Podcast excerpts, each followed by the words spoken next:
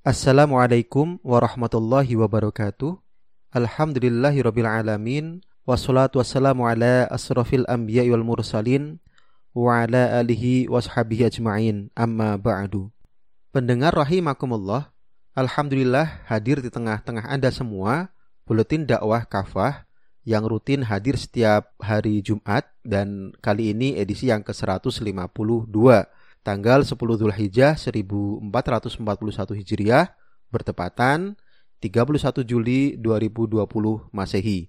Insya Allah akan mengangkat tema ketaatan total terhadap syariah konsekuensi keimanan.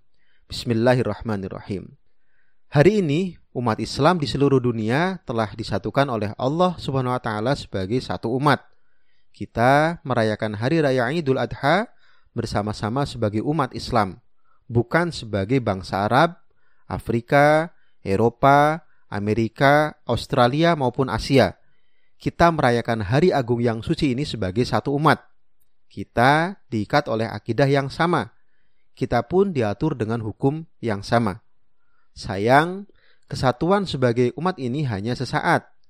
Begitu selesai mengerjakan sholat idul adha dan berhaji, kesatuan itu pun sirna satu setengah miliar umat Islam yang kini tengah merayakan Idul Adha itu pun kembali menjadi buih, tidak berdaya menghadapi berbagai persoalan yang terus menimpa mereka.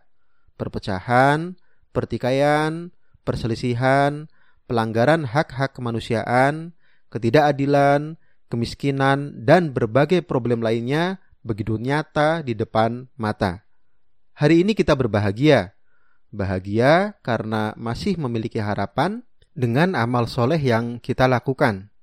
Selesai kita melakukan ibadah hari Arafah, mengisi 10 hari Zulhijjah dengan berbagai amal soleh. Kita pun merayakan Idul Kurban. Kita berharap semoga Allah membebaskan kita dari azab api neraka. Semoga Allah Subhanahu wa taala pun memasukkan kita ke dalam surganya yang penuh dengan kenikmatan. Amin. Kita pun berbahagia menyaksikan kaum muslim mengagungkan Allah Subhanahu wa taala. Mereka berbondong-bondong untuk sholat berjamaah, bersimpuh bersama mendengarkan khutbah Idul Adha. Realitas ini menunjukkan kepada kita bahwa inilah jati diri umat Islam yang sebenarnya. Satu kesatuan yang utuh dan kokoh. Mereka diikat oleh akidah yang sama, akidah Islam. Mereka diatur dengan hukum yang sama, yaitu syariah Islam. Mereka memiliki kitab yang sama, yakni Al-Quranul Karim. Mereka pun menghadap kiblat yang sama, Ka'bah. Pada hari Idul Adha 1441 Hijriah ini, biasanya kita diingatkan dengan peristiwa agung pengorbanan Nabi Ibrahim alaihissalam dalam menaati perintah Allah Subhanahu wa taala untuk menyembelih putranya Ismail alaihissalam. Bagi Nabi Ibrahim alaihissalam, Ismail adalah buah hati, harapan dan cintanya yang telah sangat lama didambakan. Akan tetapi, di tengah rasa bahagia itu, turunlah perintah Allah Subhanahu wa taala kepada Nabi Ibrahim alaihissalam untuk menyembelih putra kesayangannya itu. Allah Subhanahu wa taala berfirman dalam Quran surat As-Saffat ayat 102, A'udzu billahi minasyaitonir rajim. Bismillahirrahmanirrahim. Qala ya bunayya inni ara fil manami anni adbahuka fangdur madza tara. Anakku, sungguh aku melihat dalam mimpi bahwa aku menyembelihmu. Karena itu, pikirkanlah apa pendapatmu. Menghadapi perintah itu, Nabi Ibrahim alaihissalam mengedepankan kecintaan yang tinggi dan ketaatan kepada Allah swt. Ia menyingkirkan kecintaan kepada selainnya yakni kecintaan kepada anak, harta, dan dunia. Perintah untuk saat itu amat berat, namun disambut oleh putranya Ismail alaihissalam dengan penuh kesabaran dan ketaatan. Ini sebagaimana dikisahkan dalam firman Allah SWT, Quran Surat As-Sofat ayat 102. A'udzu billahi minasyaitonir Bismillahirrahmanirrahim. Ya abati fa'al ma tu'maru satajiduni insyaallahu minas sabirin. Ayah, lakukanlah apa yang telah Allah perintahkan kepadamu. Insya Allah, engkau akan mendapati aku termasuk orang-orang yang sabar. Kisah Nabi Ibrahim alaihissalam dan Nabi Ismail alaihissalam tersebut telah menjadi teladan bagi kaum muslim saat ini. Teladan dalam pelaksanaan ibadah haji dan ibadah kurban. Juga teladan dalam ketaatan, perjuangan, dan pengorbanan demi mewujudkan ketaatan pada aturan Allah Subhanahu wa taala secara kafah. Wujud ketaatan kepada Allah itu adalah penerapan seluruh syariat Islam dalam seluruh aspek kehidupan, mulai individu, keluarga, ekonomi, pendidikan, politik hingga negara. Allah Subhanahu wa taala berfirman dalam Quran surat Al-Baqarah ayat 208, A'udzu billahi minasyaitonir rajim. Bismillahirrahmanirrahim. Ya ayyuhalladzina amanu dkhulu fis silmi kaffah wa la tattabi'u khutuwati syaitan innahu lakum aduwwum mubin. Hai orang-orang yang beriman, masuklah kalian ke dalam Islam secara keseluruhan, dan janganlah kalian mengikuti langkah-langkah setan. Sungguh setan itu adalah musuh nyata kalian.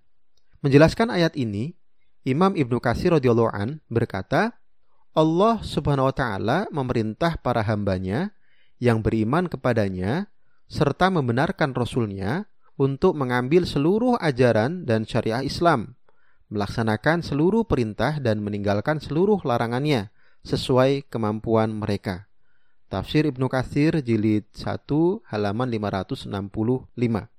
Pendengar yang dirahmati Allah SWT, ketaatan total pada syariah secara kafah itu merupakan konsekuensi keimanan.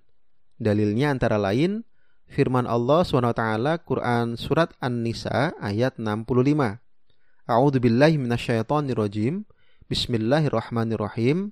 Fala wa rabbika la yu'minuna hatta yuhakkimuka fima syajara bainahum thumma la yajidu fi anfusihim harajan mimma qadaita wa yusallimu taslima.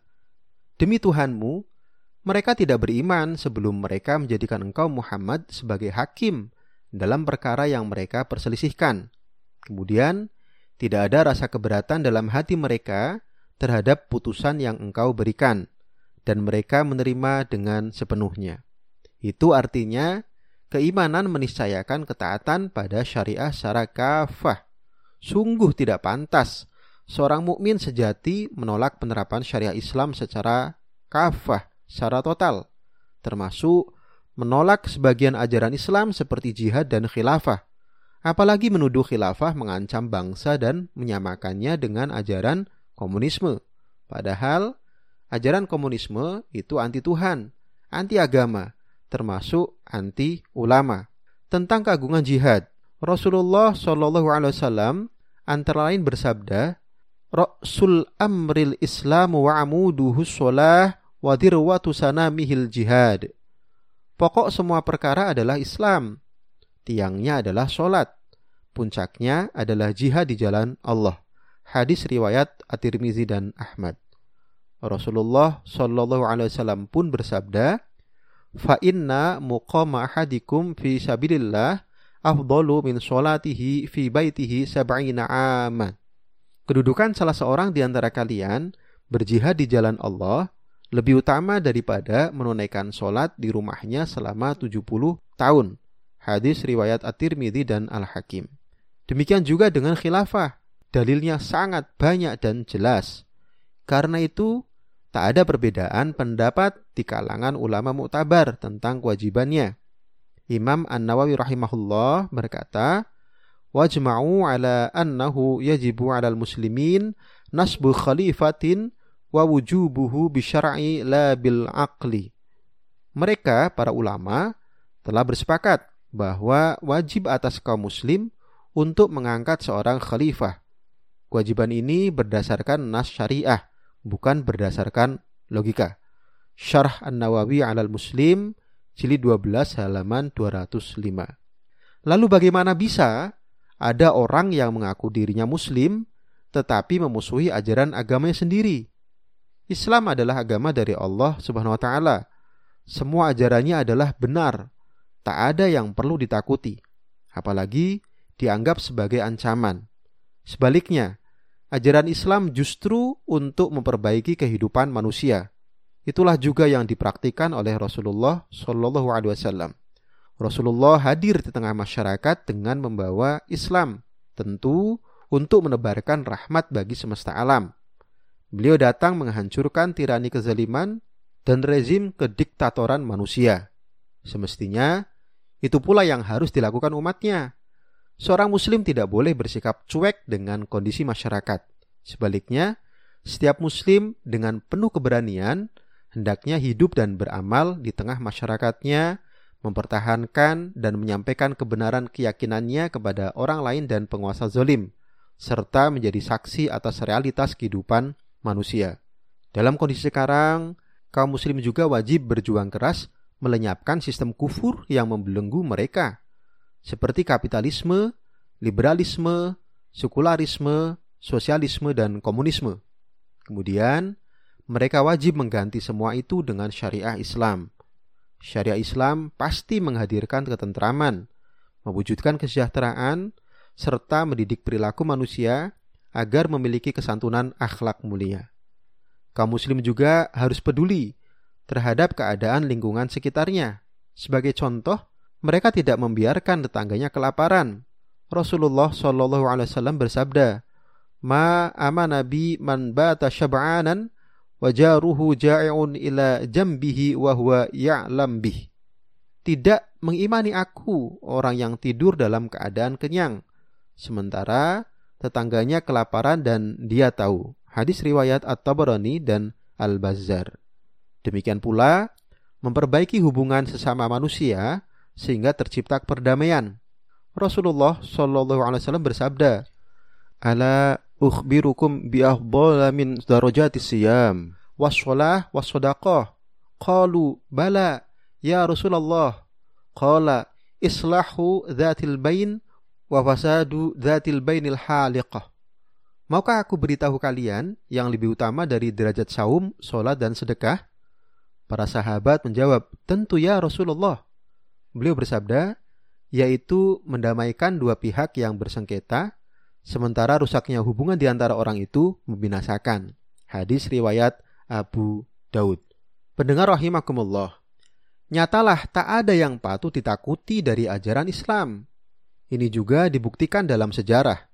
Islam memiliki peranan yang sangat besar dalam membangun peradaban dunia melalui sejarah panjang khilafah Islam, mulai dari Khulafa Rasyidin sampai khilafah Utsmani. Seribu tahun lebih Islam telah menghadirkan peradaban dunia modern, kedamaian, kesejahteraan, dan ketentraman bagi umat manusia dengan ragam suku, bangsa, ras, agama, dan kepercayaan. Kini saatnya kita menghimpun kembali seluruh potensi umat untuk melahirkan generasi soleh dan bertakwa. Insya Allah, generasi hari ini suatu saat akan memimpin manusia meraih kedamaian, keadilan, dan kesejahteraan dengan syariah Islam yang kafah. Generasi inilah yang mewujudkan Islam sebagai rahmatan lil alamin dalam naungan khilafah Islamiyah. Wallahu a'lam.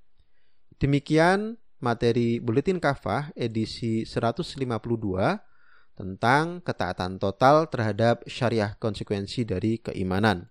Mudah-mudahan Allah senantiasa menjadikan kita semua sebagai hamba Allah yang terus taat kepadanya, sebagai hamba Allah yang terus berupaya sebisa mungkin untuk menjalankan syariah-syariah Allah, sehingga kita semua akan bisa mendapatkan keberkahan dan kemuliaan dari Allah Subhanahu wa taala. Demikian, terima kasih. Wassalamualaikum warahmatullahi wabarakatuh.